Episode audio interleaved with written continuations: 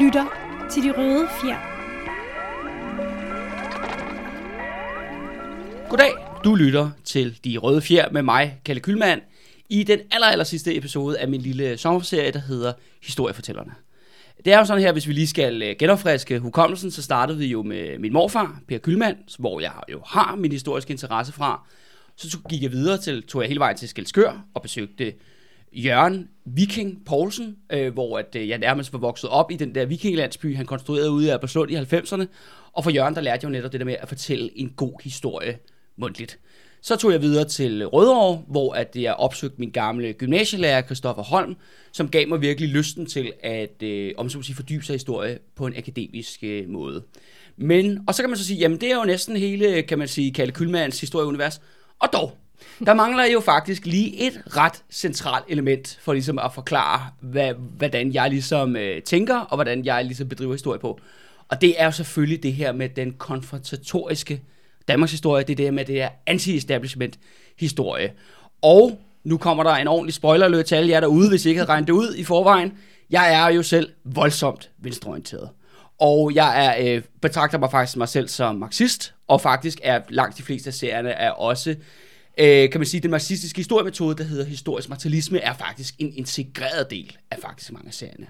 Øh, og ligesom for at snakke om det, og hvor jeg har lært det hen, og hvor jeg har fået det fra, der har jeg inviteret dig, Marie Frederiksen, med ja. hjem hos mig på Tagensvej. Jamen, øh, tak skal du have, Kalle. Ja, Jamen, selv tak. Jeg er glad for, at du kom, Marie.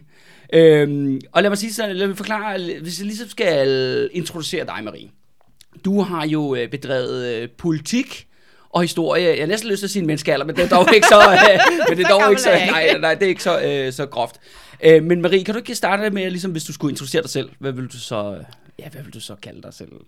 Ja, altså, jeg er først og fremmest marxist Ja. øh, og revolutionær. Ja.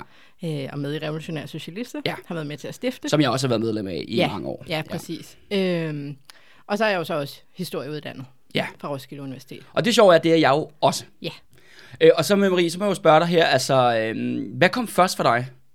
Historie eller politik? Politik. Politik. Helt klart. Altså, det var langt før. Det, Okay. det, var, det er helt tilbage fra gymnasiet. Ja, Øh, altså, selvfølgelig har jeg altid været historisk interesseret. For mig hænger de to ting sammen. ja, Øh, hvis man vil forstå i dag, så bliver man også nødt til at forstå historien og hvor vi kommer fra. ja. Men, men det er helt klart det politiske, der, der er det vigtige Ja. øh, samfundsanalyse. altså, hvad vil du sige, der, sådan, hvis, du kunne, altså, hvis du kan huske noget, eller pege på noget bestemt, der sådan, øh, tændte din politiske interesse, hvad var det så? Jamen, jeg tror, altså, helt tilbage, så var det jo sådan noget med at se børn, der led nød i Afrika, Ja. og, men også herhjemme med konstante nedskæringer. Det, noget af det, jeg selv blev sådan aktiv i, var, var studenterpolitik. Øh, Ja. Altså, at I der slutningen af 90'erne? var, slut 90'erne, ja. ja. Der bare blev ved med at blive skåret ned, og der var ikke nogen boliger. Altså, Og det er du stadigvæk ikke, jo. Nej, Ja, nej er det, stadigvæk det er absolut ikke blevet bedre, Nej, siden nej. jeg blev politisk aktiv. Nej. Øh, så det var ligesom den vej ind. Og så det her med så at få, få en forståelse af, hvordan kan det være, at det bliver ved med at ske? Ja, Hvad, hvad er sammenhængen i det? Ja. Øhm, at det var det, der, der tiltræk mig til marxismen. At det ligesom kan give en, en forklaring på nogle sammenhænge, og nogle, og nogle forklaringer og nogle baggrunde for tingene. men var det for dig, altså? Var det sådan en eller anden, der stak dig et øh, sådan fedtet øh, kommunistisk manifest en eller anden dag øh, i slutningen af gymnasiet, eller? Det, det er faktisk ikke Altså- helt galt. Nej, okay, nå, okay. det er faktisk ikke Ja, det, det var sådan, jeg startede. Ja, så- ja det, det var til en fest. Ja, ja, ja, der kom en og sagde, ej, nu skal vi lige have en snak. Ja, ja. Øh, så det, det, var, det er faktisk ikke helt galt. Ja. Ja. og det er jo det der med, at, og det er jo det, jeg selv så synes, der er så, øh, det er jo, marxisme, man, der er jo, marxisme er jo enormt udskilt i dag, Ja. men hvis du kigger på det, altså også rent historisk fagligt, mm. så er det jo den eneste store teori, Ja. der faktisk er om verden og verdensforholdene. Og det er jo Ja. ikke, fordi den altid er 100% rigtig, men det kommer fandme tæt på, vil jeg sige, langt de fleste gange. Øh, og det er jo det der med, at jeg er især blevet mere og mere glad for det, jo mere jeg har arbejdet mm. med det. Det er jo ligesom at se det der med øh, de store sammenhænge. Mm. Øh, og det der med, at man om man så må sige, sætter to, flere ting sammen. Ja. Og det er det, jeg bruger igen og igen, når jeg skal lave Ja. podcast. Fordi at, og, at drive historisk mm. forskning, fordi at det, jeg kunne sgu ikke ud og, og finde den dybe tallerken hver gang. Nej. Altså man læser nogle brede værker, og så sætter man dem, øh, dem sammen. Ja. Men altså, øh, altså Marie, du har jo skrevet et hav af marxistiske historiske analyser gennem det tid i øh, artikler, blandt andet mm. Revolution Socialist udgiver et blad, der hedder Revolution. Ja. Du har skrevet rigtig meget i, og du har også skrevet nogle bøger. Ja. Øh, sammen med en fyr, der hedder Jonas, har du skrevet en bog, der hedder Den øh, russiske revolution og borgerkrig, Ja. der arbejder tog magten, og så har du også skrevet øh, Rosa Luxemburgs revolutionære arv. Yes. Øhm, og øh, nu ved jeg jo godt, hvordan du laver sådan nogle ting. Mm. Men kan du ikke forklare mig, hvad, hvad du gør sådan, øh, når du ligesom skal gå til sådan et emne? Jo, altså jeg vil sige, det er jo anderledes, tror jeg, end sådan så mange andre tænker historie. Altså Ja. selvfølgelig sætter man sig ned og læser en hel masse. Ja, altså, det er jo- kommer man ikke ligesom udenom, rimelig nej. basalt, ikke? Ja. Øh, men for eksempel, især den her, det er ikke så meget kildestudie. Nej. Øh, fordi for, det, det for mig at se, det, det er jo noget, som mange historikere gør, og som er vigtigt. Nogen, der ja. sætter sig ned og undersøger noget nyt. Men, men når vi i, altså i forbindelse med revolutionære socialister laver ting, eller når jeg laver ting, så er det jo ikke for at skulle finde på noget nyt, eller Nej. Opdage noget, som der ikke er nogen andre, der har opdaget. Det er, det er for at analysere processer, for at vi kan bruge dem i dag til at forandre verden. Og der er jo masser, der har kigget på den russiske revolution øh, historie. Ja, ja, er du Og- sindssygt. Ja, ja, vi så- fylde biblioteker med- kun med den litteratur. Ja, lige præcis. Ja, Ja. Ikke? Så, så, og jeg kan jo ikke russisk. Så, Nej, nej, nej, nej. Så, så det der med at skulle lave et kildestudie, det giver ikke nogen mening. Og det samme med, med Rosa Luxemburg. Der var det lidt mere, vil jeg sige, øh, at læse nogle tekster, som der ikke er nogen andre, der har læst før. ja. Men så er det at tage det politiske ud. Især med Rosa Luxemburg, der er skrevet en del om hende, men meget af det er ligesom, skal man sige, det er sådan den klassiske biografi mm. om en kvinde. Øh, som, altså, i stedet for at tage hende som den revolutionær, hun, hun var. Det, det, jeg har skrevet, det handler om, hvad var hendes politiske idéer? Hvad var det, hun, hvad var det, hun kæmpede for? Hvad, hvad var det for nogle politiske konflikter, hun var inde i? ja. Netop med Så det handler ikke så meget om, hvem hun knaldede med. Eller, sådan, nej, eller, du ved, præcis, eller det er personflider, eller hvad det kan Nej, være. Ikke? lige præcis. Som jo faktisk dominerer helt vildt, altså Ja. den politiske biografi. Og også, Ja. når borgerlige skriver for eksempel en statsministerbiografi, for eksempel, Ja. så fylder det exceptionelt meget. Ja. Og når de skriver Mette Frederiksens biografi om Ja. 20-30 år, Ja. så bliver det, kommer det til at, til at handle om hendes børn, og kommer Ja. til at handle om hendes skilsmisse. Ja. Og Og, så- hendes bryllup under Og, corona. ja, ja, og hendes bryllup under corona, ikke? Ja. Ja. Og det er jo faktisk basalt set absurd, ikke? Når det jo. Netop er jo, øh, det er jo de idéer, eller ja. Det de kæmper for, eller det de udøver, som er det vigtige, ikke? Ja. Jo, og jo, især hvis man vil, vil kunne bruge det i dag, Ja, altså så er det jo rimelig ligegyldigt, ja. hvem øh, de kissemissede med, ikke? Jo, jo, lige præcis. Men ved du hvad, Marie, jeg har også lidt øh, lyst til at springe tilbage til, øh, ja, du bliver så politisk vagt der i slutningen af 90'erne, ja. Og det er jo klart, når man begynder så at, for de uindvidede, når man begynder at læse marxistisk litteratur, altså Karl Marx og Friedrich Ja. Engels og de der, og Trotsky og Lenin og Ja. de der, de bruger jo historie konstant. Ja. Det er sådan, de argumenterer, det er sådan, de op, opbygger deres argumenter, og alle de politiske bøger, de har Ja. Er historien en integreret del af det. Så det giver jo rigtig god mening, også for sådan en som ja, dig og mig, ikke? At, Jo. det, at det er jo der, man begynder at kigge hen. Men du kommer så på RUG, ikke? Og læser Jo. så øh, historie der. Ja. Sådan. Og hvad, hvad var din oplevelse af det? Fordi det er jo noget, vi har til fælles. Ja. Så jeg vil meget sådan gerne lige høre dit take på det. Altså, jeg synes, for det første synes jeg, det var rigtig fedt. Ja. Altså, jeg synes, øh, miljøet på historie var rigtig fedt i forhold til, til noget af det andet, jeg havde læst. Ja. Øh, hvor jeg ikke... Ja, jeg, folk, der læser historie på RUG, i hvert fald da jeg gik, der gik bare helt vildt op i historie, og det var bare fedt ligesom at møde det. Øh, jeg synes også, og det tror jeg måske, der er lavet lidt om på efterfølgende, men der var totalt mangel på teori. Ja. Altså, det var kun øh, sådan empirisk historie. Ja. Øh, Kildekritik. Ja, ikke? præcis. Og Ja. ja. det er selvfølgelig også vigtigt. Det ja. skal man også Ja, kunne det er en del af håndværket, ikke? Ja. Ja. Men, men for mig at se, så er der jo også nogle, lige præcis, hvordan går du til kilderne? Hvordan går du til empirien? Har nogle teoretiske implikationer, som, man, som vi i hvert fald ikke blev undervist i. Jeg tror nok, der er kommet lidt siden jeg gik der. Ja, ja, jeg har blandt andet fået sagt, sat lidt marxisme ja. På skoleskade på, ja. For min tid for Ja, præcis. Jeg tror også, der var studie, studielederen der, da jeg gik, der begyndte også at snakke om noget, øh, som jeg først tror blev implementeret, efter jeg gik ud. Ja. Øh, og det synes jeg i hvert fald var vigtigt, fordi det manglede fuldstændig. Øh, og øh, den allerførste metodeteam, jeg havde, med en underviser, der i øvrigt var rigtig god, synes jeg, til metode, men noget, han var gammel DKP'er.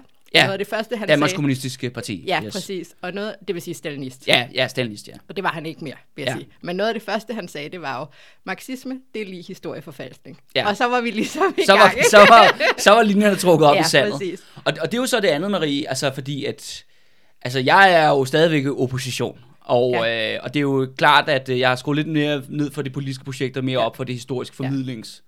Øh, og det er også sådan, med det, jeg laver det her podcast, jeg ved godt, at jeg har masser af borgerlige lyttere mm. øh, derude. Folk, jeg er lodret uenig med, men det er, også sådan, det er jo ikke et krav, at man skal være venstreorienteret for at lytte til Nej. De røde fjer. Tværtimod vil jeg sige, at det er jo for alle, der godt vil høre en god historie, men samtidig er det jo også, det er jo min fortolkning ja. Af Danmarks historie. Ja. Og det har jeg selvfølgelig bakket op af de kilder, men det er også i, alene igen ja. Mit ansvar. Men det er jo det der med, som du selv nævner der, altså som at være marxistisk historiker, især i dag. Mm. Det var måske noget andet i 70'erne, ikke? Altså man går jo virkelig imod strømmen. Ja.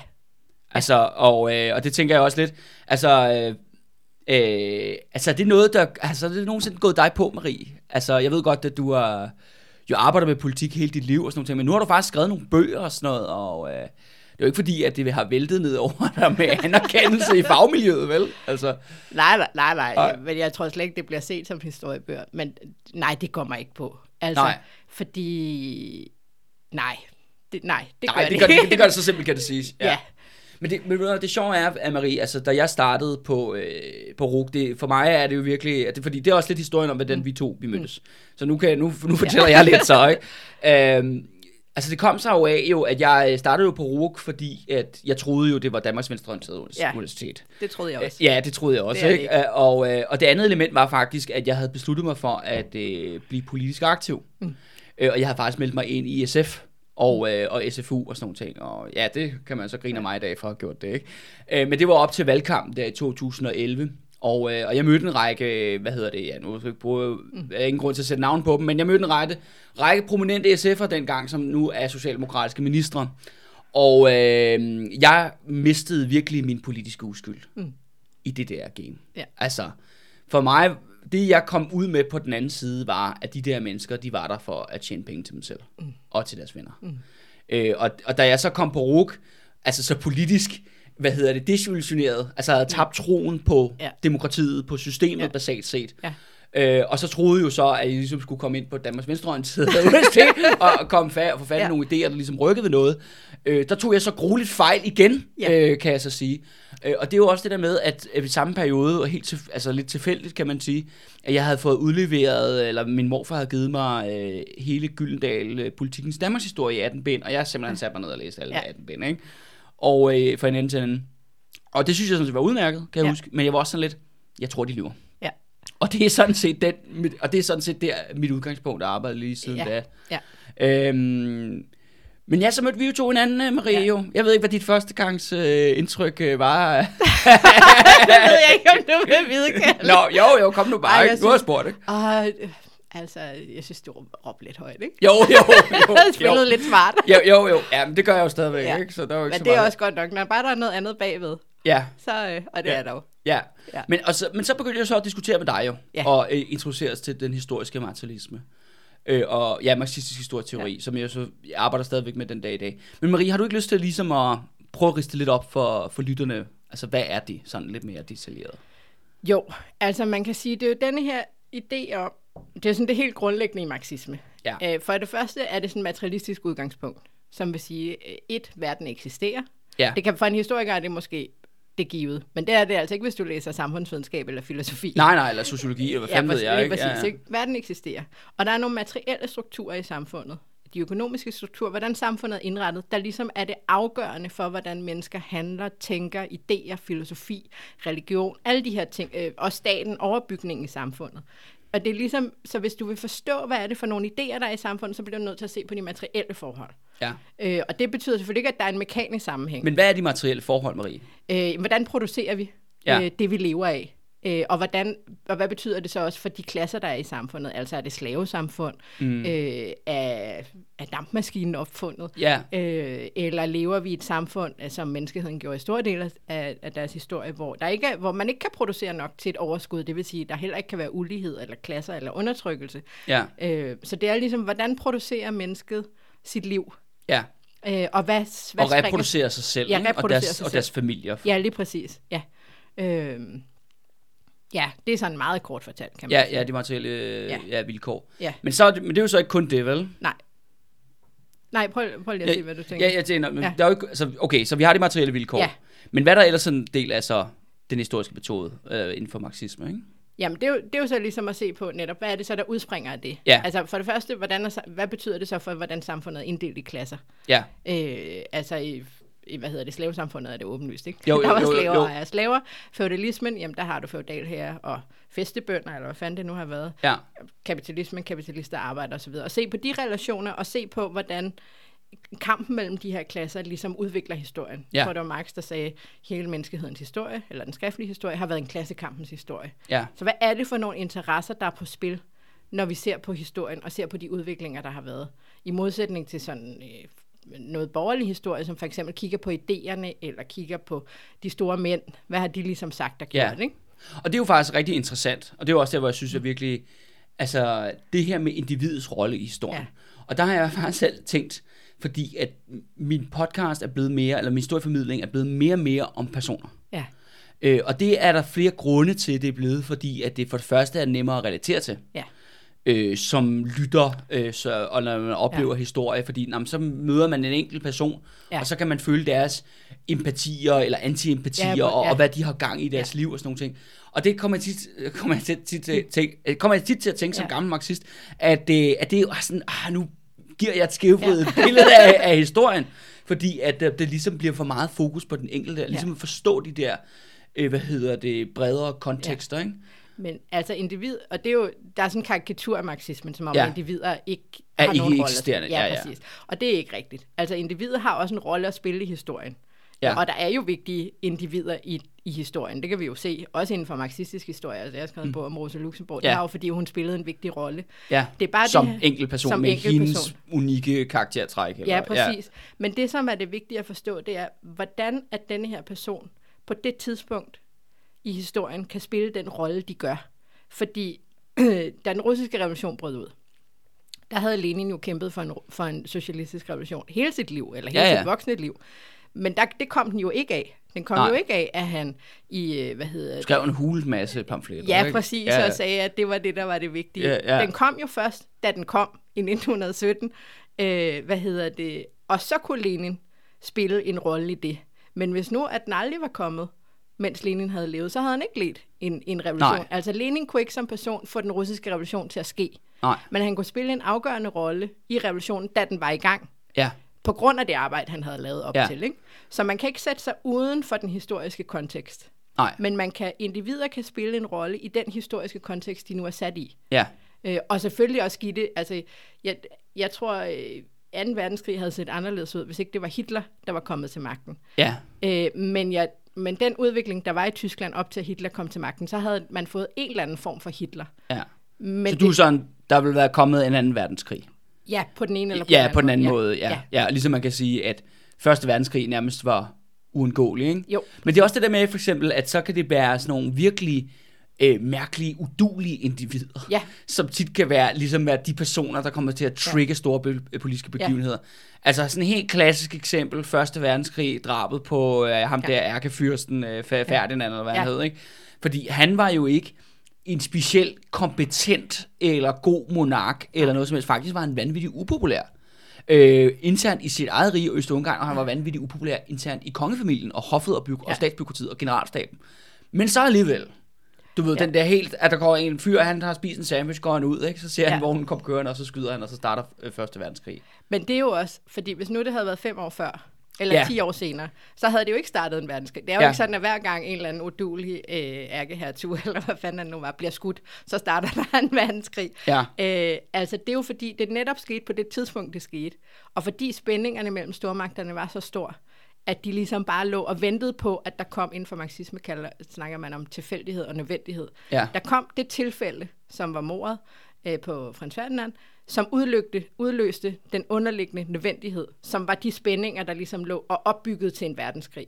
Det kunne også have været noget andet. Ja. Hvis nu mordet på ham ikke var sket, jamen så havde der været noget andet. Så var det måske sket et par måneder senere, eller, og, og måske også med en lidt anden start. Ja. Men de underliggende spændinger var der jo stadig, så de Ja. var blevet udløst på den ene eller på den anden måde. Og det er det, der ligger i, i marxistisk historieforståelse. Det er jo netop det her med at forstå de underliggende processer, og så kunne se de her tilfælde, som, bl- Ja. som kan blive blæst ud af proportioner, så bliver det det, der bliver fremhævet som, som årsagen. Ja. Mens det i virkeligheden bare var den udløst, på dansk har man det her dråben, der får bæret til at flyde over. Ikke? Det var jo. bare dråben. Intet dyr er så vildt som en borgerlig med angst for sin pengepung. Det minder på, på nogen måde, minder det lidt om sådan noget, som øh, journalister vil kalde for shitstorm, ikke? Ja. Ja. Du ved, der skal være et eller andet optimalt, der siger lige, det er lige det der, der er det vigtige. Ja, ja. At vi bestemmer os for, at det er det her, vi går Ja. vanvittigt op i, Ja, og jamen, præcis. blæser op Ja, til, ja. og det skal være det helt store. ja, ja, ja, Ja. Og det kan være virkelig tilfældighedens spil. Og det er også en ting, Marie, som øh, nu arbejder, ja, du som du selv siger, jamen det er jo noget meget med, kan man sige, den øh, europæiske socialistiske historie. Det er jo Ja. der, sådan set, dit, øh, din spidskompetence ligger. Øh, og for mig er det jo Danmarks historie, og øh, noget jeg virkelig, noget der får mit pissekål, det er jo det der med, når de snakker om den fredelige, hyggelige Danmarks historie. Ja. Og så peger de jo så bagud, og så siger, Jamen, hvis der er noget, der ligesom er den historiske regel i Mm. Danmarks historie, så er det, at hvis der er nogle konflikter, så bliver de løst på en fredelig måde. Men jeg vil så sige, og nu er det lige, det vi lige har talt om, i forhold til tilfældigheder, eller du ved, ja. Eller det der med, at der opstår en situation, hvor at nu er de rigtige komponenter til stede, og det kunne, om som siger, være blevet noget helt andet, mm. eller det kunne være eskaleret. Ja. Og jeg bliver ved med at falde over dem her Ja. i Danmarks historie. Og Ja. det er jo meget det, jeg egentlig prøver at bedrive, og det er sådan lidt, og det mærkelige er så, hvorfor fanden bliver det ikke til noget? Men jeg kan bare komme med et eksempel, for eksempel, at øh, nu har det været meget sådan, man snakker om, i Danmark gik jo ligesom fri af den franske revolution, Ja. hvis vi går tilbage til slutningen af Ja. 1700-tallet og starten af 1800-tallet. Og det er meget sådan, jamen i Danmark, der er vi gode til at forhandle, vi laver kompromiser, vi laver nogle fredelige landbrugsreformer, og bla bla bla, jeg skal ja. Ja. komme efter dig. Men der, er- der er flere ting i det, hvor at for det første, det ved jeg folk, jeg var først, lærte det først for nylig, men der udbrød åbenbart en revolution i Sæby i 1808, det ja, ja, hvor at en degn er simpelthen udråber, øh, du ved, den, øh, ikke den socialistiske ja. republik, men den liberale republik ja. Nordjylland, og ja. Militæret blev sat ind og sådan noget. Og det er jo fuldstændig en, og det er en historisk tilfældighed. Ja. Det er noget Ja, med ja, nogle, ja. det er noget med det, det, er selvfølgelig, det er noget med de store linjer. Ja. Det er noget med tiden. Ja. Det er noget med de økonomiske forhold, landbrugssamfund, den franske revolution mm. som inspirationskilde, Napoleonskrigene, ja. Alt det her. Og så en helt specifik situation er, at der er en rabiat degn mm. i en, en lille bitte jysk flække i Nordjylland, ja. som så åbenbart kan tale nogle bønder op til, at ja. Det ligesom begynder at eskalere ja. Og der kan man så sige, jamen hvad nu hvis han havde været i København? Ja. Altså, og det, at, og, og det er jo det, der så, at militæret bliver sendt ind. Han bliver spadet inden for livstid, altså simpelthen dør i fængsel ja. Og sådan noget, rådner op, ikke? Ja. Og så ligesom, så blev det ikke til noget. Ja. Og det er jo så det, man, jeg kan se, at, jeg vil jo ikke sige, at konsensushistorikerne i Danmark, altså de her, ja, hvad skal vi kalde det, socialdemokratisk, radikale, ja. Ja. venstre establishment, ikke? Inden for dansk historie, det er jo ikke fordi, de lyver Nej. om Danmarks historie. Det er mere alle de ting, de ikke taler om. Ja. Det er det, jeg sådan kommer mere og mere tilbage til. Men, og, de, og de har jo et helt anden, en helt anden forståelse af historien, Ja, end, end vi har. Og det kan være enormt frustrerende, også fordi, Ja, ja, man, fordi man er så ja. på, to vidt forskellige Jamen bølgelængder. ikke? præcis. Ja, ja, altså, de, de leder efter. Det er jo også det. Altså, hvis du tager facts, Ja. så kan du... Der er uendelig antal facts, især hvis du ser på historien. Ja. Du, alle udvælger de facts, de synes, der er vigtige. Øh, fordi du kan, ikke, du kan ikke sige alt. Så skal, du, så skal du fortælle hele historien i alle detaljer. Så, og man kan sige, at de fleste, de lader bare som om, de er objektive.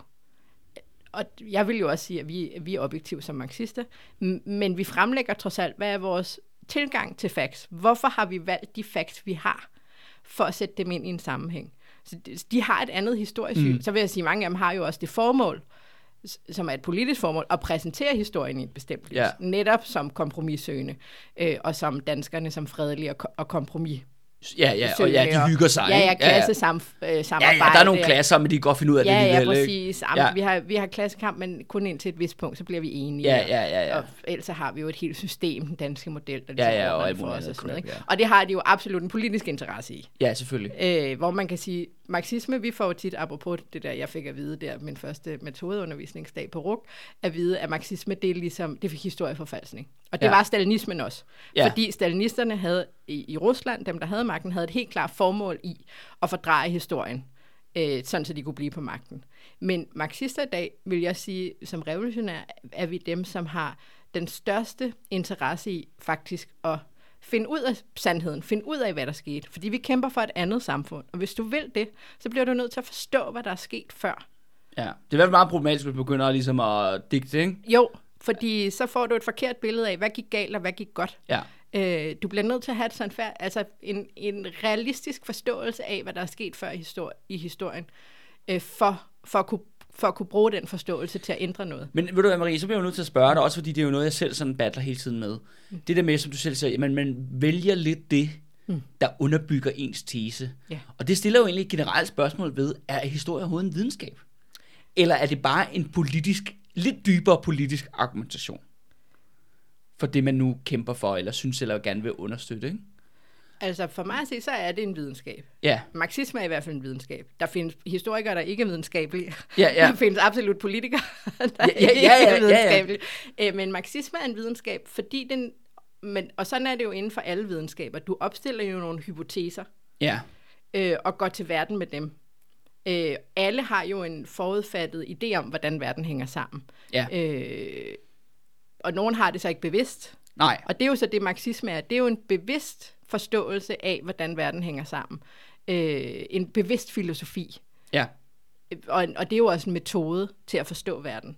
Øh, og så vil jeg sige, at de fleste, og det, og det er jo både inden for fysik og historie og Ja, alle nu mulige andre ting, jeg har ikke en bevidst, apropos det her med i historie på RUG, blev vi ikke undervist i videnskabsteori. Nej. Øh, Da jeg gik der i hvert fald, ikke? Fordi det var bare, når bare man, bare man ser på, på fakta, jamen så, så er man historiker. Ja. Øh, og så overtager, Max Marx sagde, at de hersende idéer i samfundet er den hersende klasses idéer, men så overtager man jo bare det eksisterende historiske. Ja. Øh, Hvis ikke man har en bevidst tilgang til at sige, "Nå, men jeg, jeg tror faktisk, at verden hænger sammen på en anden måde, lad os, lad os kigge på, om, om det hænger ja. sådan sammen. I et diktatur må ingen sige sandhed. I et demokrati må alle lyve om den. Men det er også fordi, at øh, jeg, altså noget jeg også, kan man sige, mit projekt handler om, jeg er jo enormt frustreret over, det var også noget af det, der førte til, at jeg blev politisk radikaliseret. Øh, det var jo, at jeg så, og det sker jo hele tiden i dansk politik i dag, historie bliver jo brugt Ja. konstant. Ja. Og især i politik faktisk, ja. Ja. af alle steder. Ja. Altså, øh, af, du ved, hele DF's for eksempel politiske platform er baseret på, et, altså, at Danmark var et hvidt kolonihaveparadis i 1960'erne. Mm. Det er der ikke noget, der bakker det op, Nej. op hvis du kigger på socialstatistikker, eller morstatistikker, eller fattigdomsstatistikker. No whatsoever. Men det har været, nu kan man sige, nu er de så faldet af pind og sådan noget, ting, Ja. ikke? men det har været et meget, meget stærkt politisk salgskort Ja. i mange år. Og du kan også se det med Socialdemokraterne. Ikke? Ja. Altså, øh, Mette, Mette Frederiksen fremfører sig selv som, øh, du ved, Socialdemokratiet Classic. Noget. Ja. Ja. Og det er jo en eller anden, hvad er det Ja. så? Altså Ja. rent his, øh, historisk. Ja. Ja. Og det er jo så interessant også at snakke med dig, Marie, fordi mm. du er jo om noget politisk, men mm. du er også historisk. Ja. Og det er jo så det med, med, hvad er det, der så gør det til videnskab? Forstår Ja. jeg mener? For de bruger jo, de piller jo ud, Ja, hvad de vil. Og så maler de jo bestemt politisk glansbillede, ikke? men de piller jo ikke ud, hvad de vil. De maler bare et glansbillede. Ja, okay. det, det Men- vil jeg sige. Altså, de kigger jo ikke på historien. At de, de, de maler bare det billede, de synes passer til deres politik nu. Ja. Altså, DF's billede af, af Danmark tidligere er jo absolut ikke korrekt. Ja, ja. Altså, de, de maler bare et glansbillede. Ja. Altså, det har intet med historie at gøre. øh, Ja, ja. I, I mine øjne. Øh, Men, men det er jo bare, men, men, det, men det er jo bare det der med, at det er jo det, mange folk tror. ja, ja. Jamen, det er, ja, selvfølgelig. Og, og det er jo også det, jeg har sådan, øh, så synes jeg jo, altså det vil jeg også sige, at det er jo noget, jeg faktisk vil sige, jeg har lært af dig. Mm. Og det er jo det der med, at, at historikere må fandme også godt have en politisk holdning. Ja. Eller prøve at rykke ved noget, Ja. rent, altså inden for deres fagfelt. Ja. Fordi noget, jeg synes, det værste, at der er blevet en uskik i dansk historie, det er jo, at historikerne, de holder deres kæft, Ja. når den politiske debat kører. Ja. Historikerne taler kun med hinanden, Ja. i snævre fagkredse og blade osv. Ja. Osv. Og det når ikke ud til befolkningen. Nej. Samtidig har vi så nogen, der bruger historie Ja. hele tiden Ja. til det at melde deres egen kage, og de Ja. gør det uantastet Ja. af de folk, der faktisk ved bedre. Ja. Og det er jo så det der med, at, øh, at basalt set er mange, og det er jo det der med, så snakker om konsensushistorien, Ja. at det er jo folk, der forsvarer øh, deres job og deres positioner, Ja. som jeg ser det. Ikke? Og det kan de jo så have, og det gør de på en mere, eller du ved, det kan være, der er grader af, hvor usympatiske de er, vil Ja. jeg sige. Ikke? Ja, ja. Men, men, du ved, men det er jo lidt det, det kommer tilbage til, ikke? Og det er jo også sådan, lidt det er også det, der bragte mig ud i det her, hvad hedder det, nu er jeg jo selvstændig i Ja, dag og sådan noget. ja. Og det med, jeg er jo ikke, um, må ligesom se i øjnene, at, at, øhm, at jeg ikke vil kunne klare mig, eller du ved, jeg vil ikke kunne leve Ja. ind i de der organisationer og institutioner. Men det er jo sjovt. Altså lige nu er der jo virkelig et angreb på øh, venstreorienterede... Øh, Ja, i såkaldt- institutionerne. Ja, Ja. i universiteterne, på Ja, universiteterne. ja, fra politikerne. Ja. Og jeg vil sige, det er en helt anden debat. Ja. Den skal vi ikke gå ind i lige nu, hvad, nej, nej. hvad det handler om, og, og øh, med identitetspolitik og alt det her. Ja, ja, ja, ja. Men, men der er jo helt klart et angreb, som er at forsøge, men hvordan skal man sige det? Altså, det er, jo, det er jo lige nu, det er åbenlyst. Ja. Men det har jo altid været sådan, og så i større eller mindre grad, at de institutioner, vi har i det her samfund, inklusive universiteterne, er jo institutioner, øh, som er tilknyttet den borgerlige stat. Ja. Så det er jo klart, at hovedsagen, så kan der en gang imellem være nogle enkelte, der får lov til at give det et skær af, at det er venstreorienteret. Men hovedsageligt, så er det jo institutioner til at uddanne folk, der skal varetage den borgerlige stats interesser i fremtiden. Mm. Og det gælder også historikere. Øh, så, så det der med at tro, som vi begge to naivt har troet, når vi startede på et øh, såkaldt venstreorienteret universitet, Ja, ja, og, tro, ligesom... og troede måske også, at uh, videnskaben kunne bedrives objektivt. Uh, ja, ja, har jeg da i hvert fald haft mit Ja, barn ja, ja, en det gang. har jeg ikke? Altså, at det kan ikke lade sig gøre, med mindre at du vælger at sige netop, jamen jeg vil ikke have noget med de institutioner at gøre. Det er også derfor, du spurgte mig tidligere, jamen går det der på, at du ikke øh, er noget inden for den etablerede historie? Nej, det gør det ikke. Fordi ja. mit projekt er noget helt andet. Jeg vil lave verden radikalt om. Ja. Jeg synes, vi skal have et helt andet samfund, og jeg kan godt se, hvordan at de interesser, der ligger bag den borgerlige stat, kapitalistklassens interesser, basalt set, et lille bitte mindretal, der har tjent milliarder for eksempel på en pandemi, mm. mens andre mennesker de dør af sult og sygdom. At det er jo klart, at, Ja. at de har kæmpe øh, magt, og de har kæmpe interesser og privilegier i det her samfund, så at dem, der ligesom er ansat til at forsvare det system, at de ikke anerkender det, jeg laver. Nej, nej det har jeg faktisk Ja, ja, ikke et problem med. Tværtimod, så vil jeg begynde at synes, det var lidt bekymrende. Pro- problematisk. ja, hvis, hvis de lige pludselig sagde, Nå, men okay, der sidder en her, som øh, kæmper for, uh, for en socialistisk verdensrevolution. Jamen Ja. lad os da anerkende hende. Det, det, så vil jeg begynde at blive lidt bekymret i virkeligheden. Ja, ja, ja, helt sikkert. Men det er også det der med, at, øh, at du ved, jeg kunne godt øh, stoppe frygten, ikke? Og så sige, okay, historikere, mm. de er bare en eller anden form for se- reserveideologer mm. for den borgerlige, det borgerlige ja. samfund, ikke? Ja. Og, og dens værdier, ikke? Og det var jo virkelig, altså... Øh, Ja, det synes jeg var jo katastrofalt. Ja. Eller du ved, at, at ligesom at opdage det. Og så, kan man, og så siger og så har jeg jo så sat mig på en lang, ret mere radikal position i, i relation til dem, ikke? Jeg siger tit til mig selv, nu må du ikke få tunnelsyn, vel? Nej. Altså, det er klart, at du har et politisk udgangspunkt, men du skal sgu også, altså, hvis der kommer noget, som er, du ved, det giver meget god mening, at det er præsenteret ja. rationelt og logisk, bliver man også nødt til at lytte til det, ikke? Ja, Øh, men, det, men det er også, men det, det er sgu også lidt svært, når man er inde i en kamp. Ja. Du ved, altså sådan har jeg det nogle gange, ikke? Altså, du ved, at øh, jeg, jeg kan blive simpelthen så vanvittig hissig, hver gang ja. Jeg ser Bolidegård på fjernsyn. Men, men, men ikke desto mindre har han jo skrevet nogle meget fine bøger, eller sådan, du ved, ikke? Jo. Altså, når man går ned i... Jeg er lodret Ja. uenig med mange af hans Ja. ja. konklusioner og sådan ting. Og det er også det der med, at, at det, er sådan, det er meget irriterende, at, at de historikere bedriver politik, men de opfører sig, som om de ikke gør det. Ja.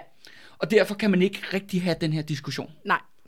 Nej, altså jeg synes, det som, det som også kan gøre, at man ikke får tunnelsyn, det er også at komme ud af den her historiker bobbelverden, Ja. ikke? Øh, det tror jeg er virkelig vigtigt. Netop når, når man skal forstå det her med, jamen, når Socialdemokraterne siger, at øh, jamen, i Danmark, der har vi altid været hyggelige og, Ja. og kompromissøgende og så Ja, videre. ja, ja. Jamen, altså man skal jo bare stille sig ud på en strække i dag, for Ja, ja. at se, at den danske arbejderklasse er ikke en skid kompromissøgende. Der har været, altså, der er masser af potentiale, og gennem hele historien, nu har jeg selv skrevet bachelor om storkonflikten i 98, Ja, og speciale, med sygeplejersker, ikke? Nej, nej, det var specialet. Nå, okay, okay, okay. Øh, øh, storkonflikten i 98, det var hele det private Okay, arbejdsmarked. okay, okay, yes. Øhm, men gennem hele historien har den danske arbejderklasse absolut været på gaden og i kamp. Ja. Øhm, Og det har også været min konklusion. Jamen præcis. Øh, men men så, så selv i dag vil jeg sige, hvis man gerne vil ud af det der tunnelsyn, Ja. og den der historikerboble, øh, og i øvrigt øh, få lidt afløb for sin vrede Ja, ja, ja. mod, hvad de står og siger i fjernsynet, Ja. jamen øh, så er der jo masser at gå på gaden for at møde altså helt almindelige mennesker, arbejderklassen i Danmark, Ja. som, som hver dag kæmper. Ja, lige nu er sygeplejerskerne jo i Ja, strejke, ja, ikke? i, i konflikt, ja. Ingen valgret til nogen over 60. øh, det her med, jamen i Danmark, der er det aldrig lykkedes. Altså hvis Mm. man ser på verdenshistorien, så de fleste revolutioner og bevægelser, de lykkedes jo ikke. Nej. Altså, og det gælder jo ikke kun i Danmark. Nej, nej, nej, nej. Det, det gælder jo hele, hele øh, verden. Øh, så, så er der nogle få, den franske revolution, den russiske revolution, øh, som lykkes, og som vi så hører om. Øh, og som jo så har, hvad hedder sådan noget, efterdønninger ud i hele Europa. Altså, Ja. der er jo også en grund til, at hvis man ser en konge få hugget hovedet af, så er der nok nogle konger i andre lande, der tænker, jeg giver lige nogle reformer, fordi jeg har ja. faktisk ikke lyst til at få hugget mit hoved af. Ja. Øh, men, men så når man bruger det som argument for, at Danmark er fredeligt, Ja. så, så ser man jo ikke på alle de revolutionære bevægelser, der er sket i andre lande, som heller ikke er lykkes. Og man forstår slet ikke, hvorfor de ikke er lykkes. Hvor jeg vil sige, at hovedsagen i, at de ikke er lykkes, det er mangel på en revolutionær ledelse. Det, det er en anden ting. Men altså, men netop for at sige, at Danmark præsenteres som noget unikt. Ja. Men det er det overhovedet Og det er jo også min anden problematik. Ja. Det er jo det der med, at Danmark jo netop bliver pillet ud af Ja. den europæiske historie. Ja, vi bare også pillet ud af den skandinaviske Ja. historie, for den sags skyld. Ja. Og apropos, vi er tilbage til mit eksempel ja. om uh, ham der Dejnen, der laver revolution ja. i uh, Sæby i 1808. Ja. Ikke? Altså man siger, at i Danmark har der ikke været, det var et fredeligt forløb omkring Napoleonskrigene. Men det kan man kun komme afsted med, fordi man har koppet Norge ud af Danmarks historien.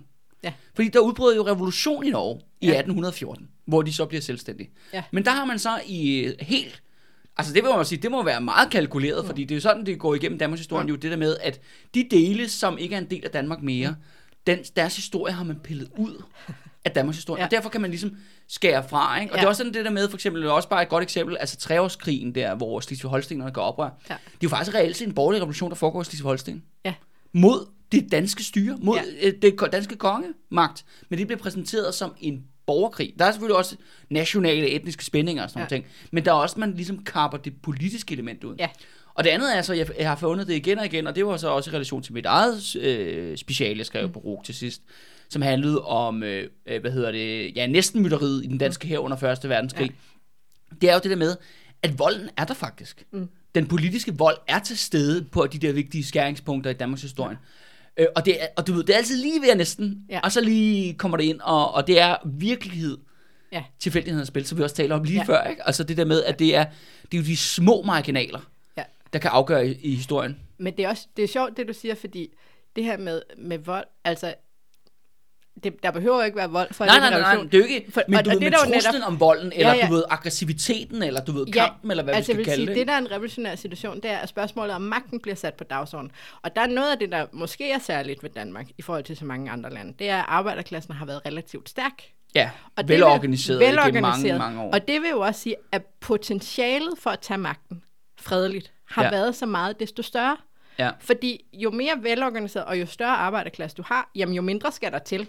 Øh, men det kræver jo så en ledelse, som er parat til at tage magten. Og der Ja. har det danske socialdemokrati så absolut viser øh, at være det modsatte. Ikke? Jo, jo, jo. Jamen, Jo, jo, altså, de har jo, gjort, jo. hvad de kunne for at holde arbejderklassen fra at tage magten. Ja. Og det kunne man måske sige er noget un- mere unikt, ikke bare Danmark, men skandinavisk for eksempel, Ja. øh, at vi har haft en stærk og velorganiseret arbejderklasse i mange år, øh, men at vi så også har haft en ledelse for arbejderbevægelsen, der har, der har haft så meget, desto større kontrol over arbejderklassen, mm. når det ligesom kom til stykket. Ikke? Jo. Øh, Det er også det med, hvis man skal forstå det der danske historiesyn, mm. som jo vi begge to, om så vi sige, kæmper imod på, Ja. ja. lidt på hver vores måde. ikke?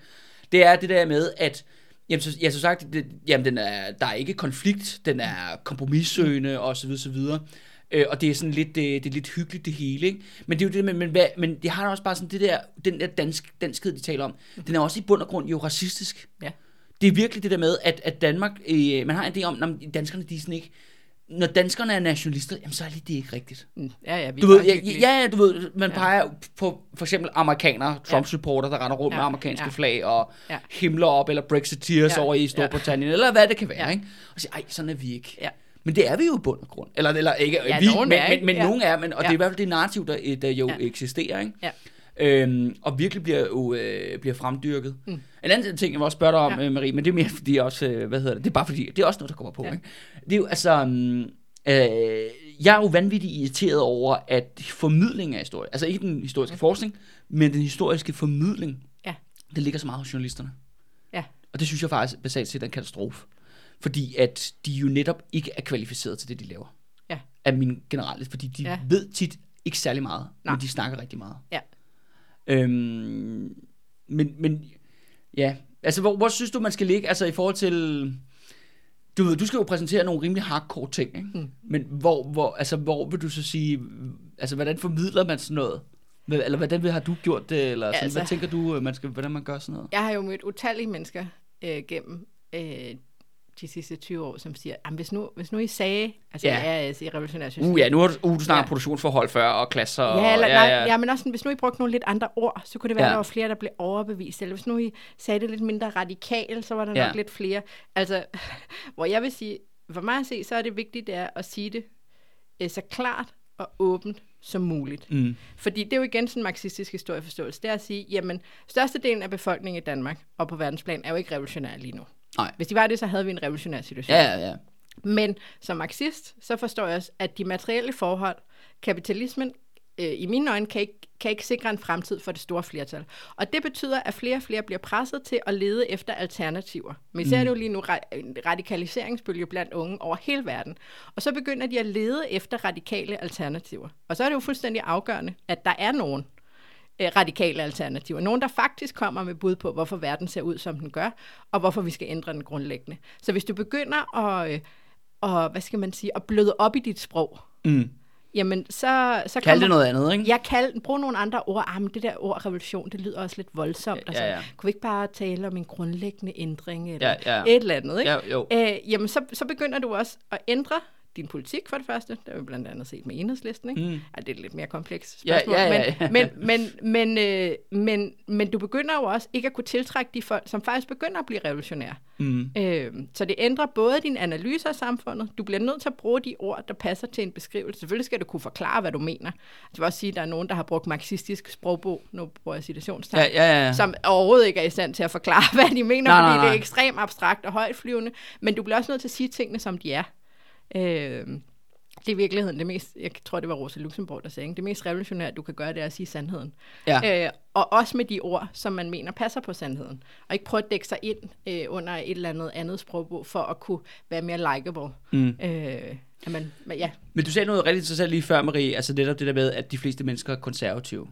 Og det er jo det der med, altså det synes jeg er jo noget af det rigtig gode ved marxisme, det er faktisk, at man ligesom, man hæver sig lidt op over. Mm. Man prøver ligesom at få sig at danne sig et overblik. Ja. Over et længere historisk forløb, ikke? Ja. Og, de, og de personer, der er involveret Ja. i det. Og det er Ja. ligesom, det er det, jeg ser, teorien og metoden er rigtig stærk. Det er ja. Den rigtig god til, ikke?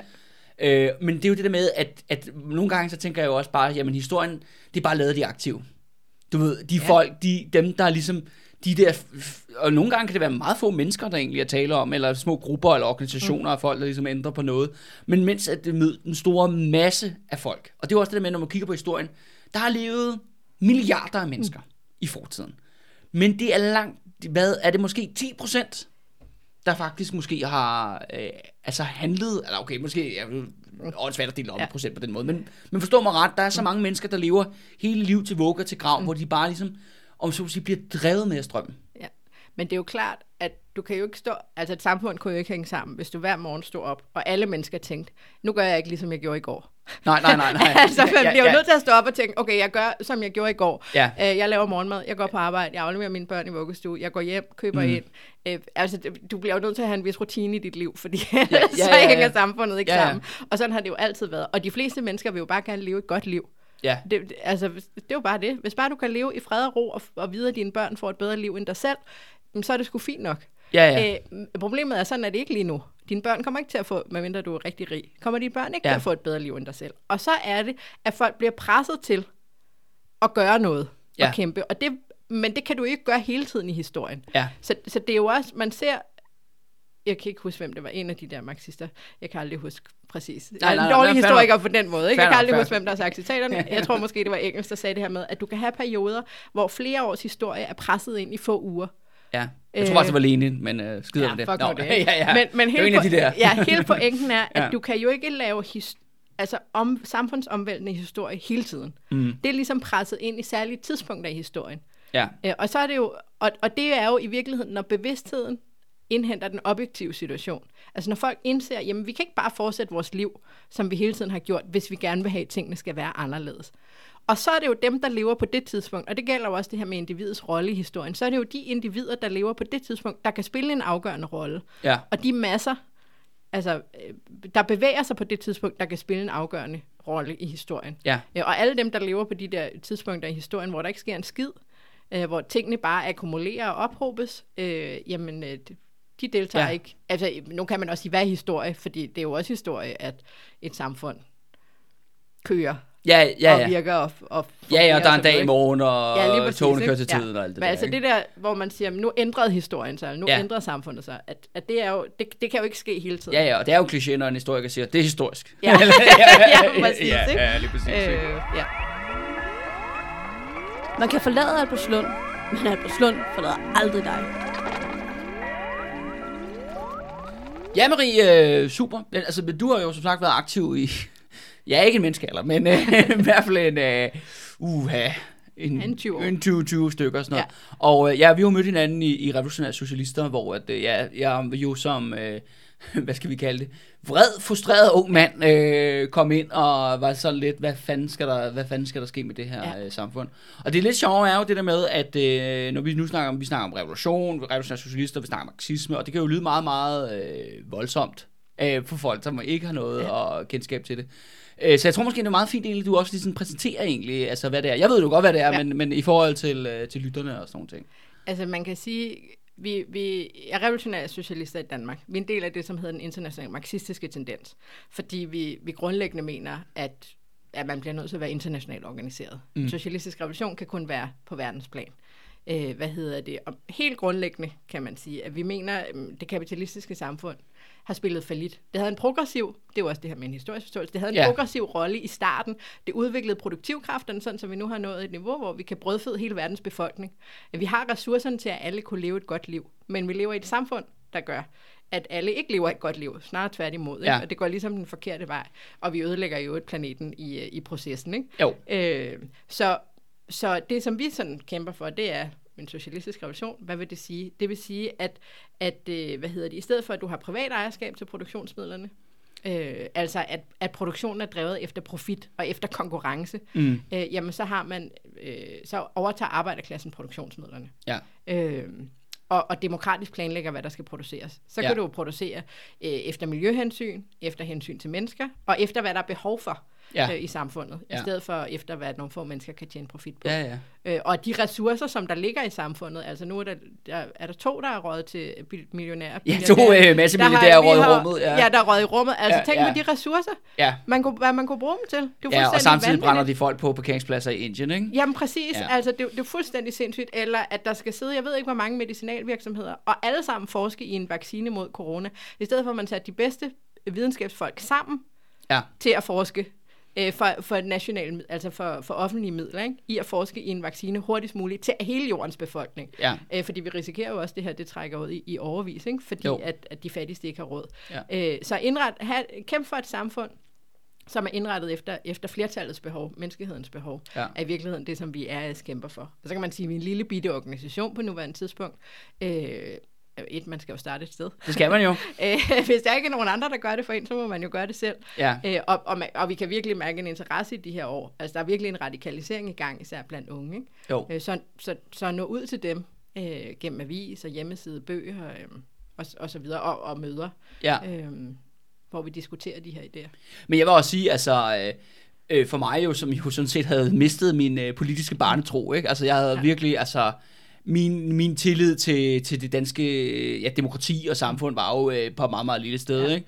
Og det er jo det der med, at for mig var det meget det der med, for jeg var jo vanvittigt skeptisk, skal ja. Siges, i starten. Jeg kæmpede faktisk med næb og klør. Altså, og, og, vil, og var ikke nem at overbevise Nej. om det her, men for først og fremmest, at det der så, øh, jeg så i det i sin tid, mm. det var det der med, at der var en, en stor seriøsitet, Ja. øh, og der var en stor dedikation. Ja. Og det så jeg faktisk ikke nogen andre steder i politik. Nej. Og så det der med netop, ja, historie, ja. fyldte så meget. Det var jo lige ja. Ja. vand på min mølle, ja. ikke?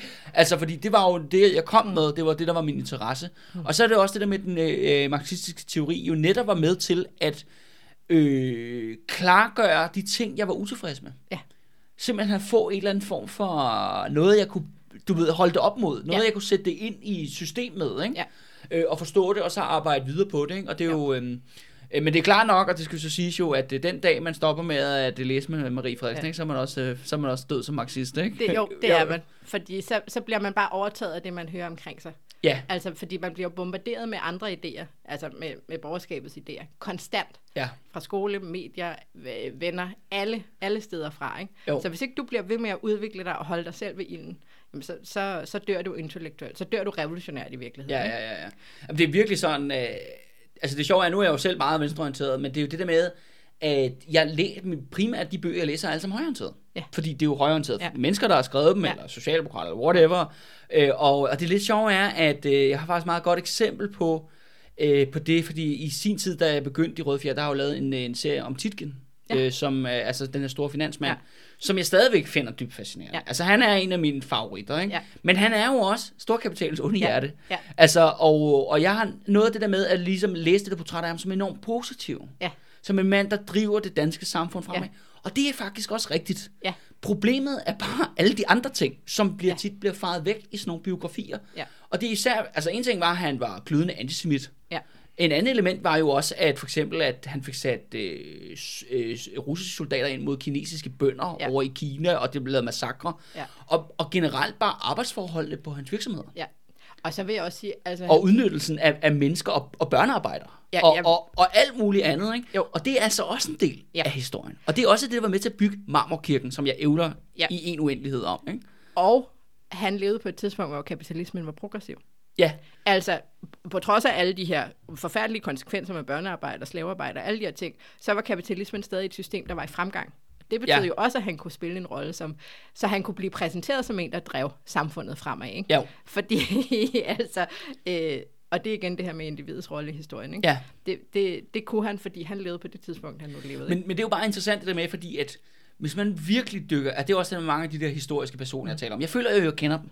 Mm. Det er jo, altså jeg føler virkelig, at, at jeg ved, hvem Titken var. Ja. Eller du ved, at han kunne være en af mine venner og sådan Ja. noget. Og det er det der med, og apropos, du nævnte også Ja. det med, at man kan få tunnelsyn, ikke? Jo.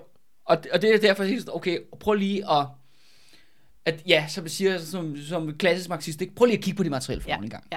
Det er, ligesom, Ja. det er jo en meget Ja. god tommelfingerregel. Ja. Hver gang, at man dykker virkelig ned i en person, Ja. at det er det med, prøv lige at kigge på de materielle forhold, og kigge på Ja. de konsekvenser, personen kan have. Ja, lige præcis. Og nogle gange kan de her konsekvenser jo være, øh, ikke være noget, han har planlagt. Ja. Eller forstår du, mener? Han Ja, er jo bare sådan, "Nå, men jeg bygger en virksomhed, Ja. og den skal køre, bla bla bla, Ja. og vi ansætter ham ja. Som direktør og sådan nogle ting. Og så er det ligesom, ja, og så er det jo klart nok, at der blev måske prostitueret nogle børnearbejdere på den Ja. der øh, vævefabrik, Ja. ikke? Ja. Fordi det er jo også, men du Ja. ved, det er jo ikke fordi Titken siger, at de der børn skal Nej. prostitueres på det der Nej. vævefabrik, men han har skabt det miljø. Altså, der er han jo, om man Ja. så må sige, virkelig en, fæ, altså, en, Ja. virkelig en, en, en afgørende rolle Ja. til det, ikke? Jo, og det er jo, og, og det er jo ikke for at fri, fritage ham for noget. Nej, nej, nej, nej. Men, men også at forstå, at det er jo ikke ham som person, men det er jo netop det, som er indbygget i kapitalismen som system. Og det er derfor, jeg er revolutionær. Mm. At det handler jo ikke om, at hvis nu man så havde fjernet titlen dengang, ja. Nå, men så, så var der ikke mere børnearbejde. nej, nej, det, Det, det, det, er det er jo Nej, det derfor, det, ikke- handler om at ændre samfundet grundlæggende. Ja. Fordi at det er indbygget i selve systemets funktion, at der, der er børnearbejde. Lige nu i, på verdensplan er der jo, jeg ved ikke, hvor mange børn, der Ja, ja, arbejder og prostitueres. Fordi det er indbygget i systemet. Og det er jo netop også det, som, som handler om marxistisk historie, at forstå, jamen selvom du fjerner den ene person, ja, eller han aldrig havde levet, så, så er systemet der stadig. Så har Ja. der været en anden titken. ja, Øhm, så, så ligesom jeg forstår, øh, forstår de processer, der, der ligger bag personerne på en eller anden måde. ja. Øh, og at det er systemet, det handler om. Og det er jo også det der med, at han er meget, han er meget den rigtige person på det rigtige tidspunkt. Ja. Øh, hvor der er netop, ja, der er forskellige sådan, hvad skal vi kalde det, politiske, økonomiske ting, der ligesom går op i en spids. Ikke? Der har været ja. en Ja. revolution i 48, Ja. som gør til, at der kører om generel liberalisering af finansmarkedet og, det, og kapitalen og alt sådan noget. Ja. Ja. Og samtidig har der været et økonomisk boom i landbruget, som betyder, at øh, flere folk har sat penge i bank. Altså, der er ja. Ja. flere penge med handelsmænd, der har ekstra kapital, de kan investere. Ja. Øhm, og så samtidig har man så også fra England og Frankrig har man fået den her idé med privatbanksystem, altså ja. Ja. uafhængig af Nationalbanken, og det er jo det, han præsenterer. Ja. Og så kan man så sige, at hans evner er jo så det der med, at han har været enormt øh, ja, charmerende eller vældig ja. Ja. i de der kredser, i hvert fald kunne lokke folk til at investere ja. i penge i hans lort, ikke? Og så kører det sådan set derfra. Ja. Ikke? Øhm, ja, og det, og det, men det er også det, jeg synes jo egentlig også basalt set, de røde fjer handler om, ikke? Det er jo det der med den her dobbelthed. Ja. Altså den der med, der er ikke nogen, der er rigtig onde eller gode, eller du ved, det er, altså jo, der er, nogen, der er også nogen, der er nogle fucking ja. Ja. røvhuller, ikke? Ja. Men altså, men langt de fleste er det der med, der er den der dobbelthed, og man kan, fly, ja. Ja. man kan fatte, altså jeg må indrømme, efter jeg lavede rivalerne, fattede, jeg begyndte at fatte øh, sympati for Mærsk-familien, så er jeg lidt, holy fuck, jeg bliver nødt til at tage en pause. Fordi at det var sådan, jamen der er jo mange ting med det firma, som er vanvittigt problematiske ja. den dag i dag, ikke? Ja. Og, og, og, og især øh, gamle Arnold og McKinney, det var nogle reaktionære protofascister, ja. Mand. Altså, du ja. Ved, bag, bag, bag flere statskup. Ja. Altså, Ja. du ved, altså, det kan øh, næsten ja. Ja. ikke blive mere usympatisk, men det er, øh, ja, men det er sjovt. Ja, men Ja. jeg tror, Marx han på et eller andet tidspunkt siger sådan, øh, som sådan svar på netop, jamen hvad med de her kapitalister, der er gode? Så siger han, jamen der er sikkert masser af kapitalister, der er gode mod dyr. Ja, Altså, og det er også fint nok. Altså, de kan være flinke, de kan ikke være flinke. Det, det er ikke det, der er det vigtige. Det vigtige er, at de repræsenterer et system, som fordømmer millioner af børn og mennesker til Mm. død, elendighed øh, og jorden til, til under, ej, ikke til undergang, Nej, men øh, ja. men smadring af klimaet, ikke? jo. Øh, Mange utilsigtede, ja. store menneskelige, sociale, økologiske Ja. klimakonsekvenser, ja. ikke? Yes. så, så det er sådan set Ja. fuldstændig ligegyldigt, ja. om de er flinke eller ej. Ja, Det handler om, og, og hvis de er alt for flinke, jamen så dør de i konkurrencen, og så går deres virksomhed under. Det er sådan, Ja. hele systemet er opbygget. ja, Øh, og det er derfor, det handler om at, at ændre hele systemet som, ja. som revolutionær. ja, ja. Danmark er en lille, ubetydelig og besønderlig selvglad nation. Jamen det er jo det der med, det er også fordi, at altså, jeg har jo lige siddet med, øh, med Andreas der, og, øh, og lavet en stor serie om Grevens Fejde. Ja. Øh, og det er jo den her borgerkrig, men ligesom slutningen på den her serie, det bliver jo så faktisk, at den kirke, vi har i dag, den protestantiske, altså det hed ikke en folkekirke dengang, men det var det, der blev til folkekirken senere, Ja. at den ligesom bliver implementeret. Ja. Og det er jo ligesom, jeg vil sige, det er jo der, den moderne Danmarks historie starter, fordi der er en institution, som vi har i dag, Ja. som selvfølgelig ser på mange måder anderledes ud. Men der var virkelig det der med, at, at som jeg gravede ned i det emne, mm. der bliver mere og mere, holy fuck, de der, den der, altså nu er det jo religion, mm. men det er i høj grad lige så meget en politisk ideologi, Ja. de præsenterer. Og den første og fremmest budskab, det er, du skal ikke rejse dig mod øvrigheden. Ja. Det er hovedpointen. Ja. Det er det, der bliver slået igen og igen. Og så er der ja. Noget nadver og Gud og Ja, himle ja. og engle og bla bla Ja. bla. Og Luther og sådan noget. Ja.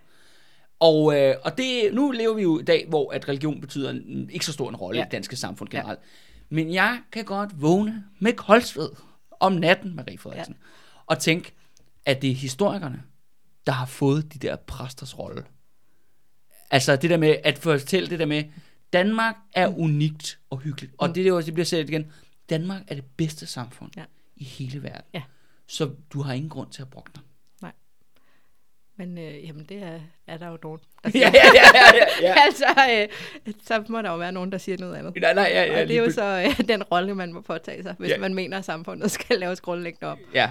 Øh, og som jeg også tænker, at du har påtaget dig. Ja, ja, ja, altså kan man sige, hvad hedder det, kampen fortsætter i hvert ja, fald, ikke? Jamen, det er det. Ja, ved du hvad, Marie, jeg vil gerne sige øh, mange tak, fordi du stillede op. Jamen, og, øh, selv tak. og, og ved du hvad, Marie, vi ses på barrikaderne, ikke? Det gør vi, ja. helt sikkert. Hej.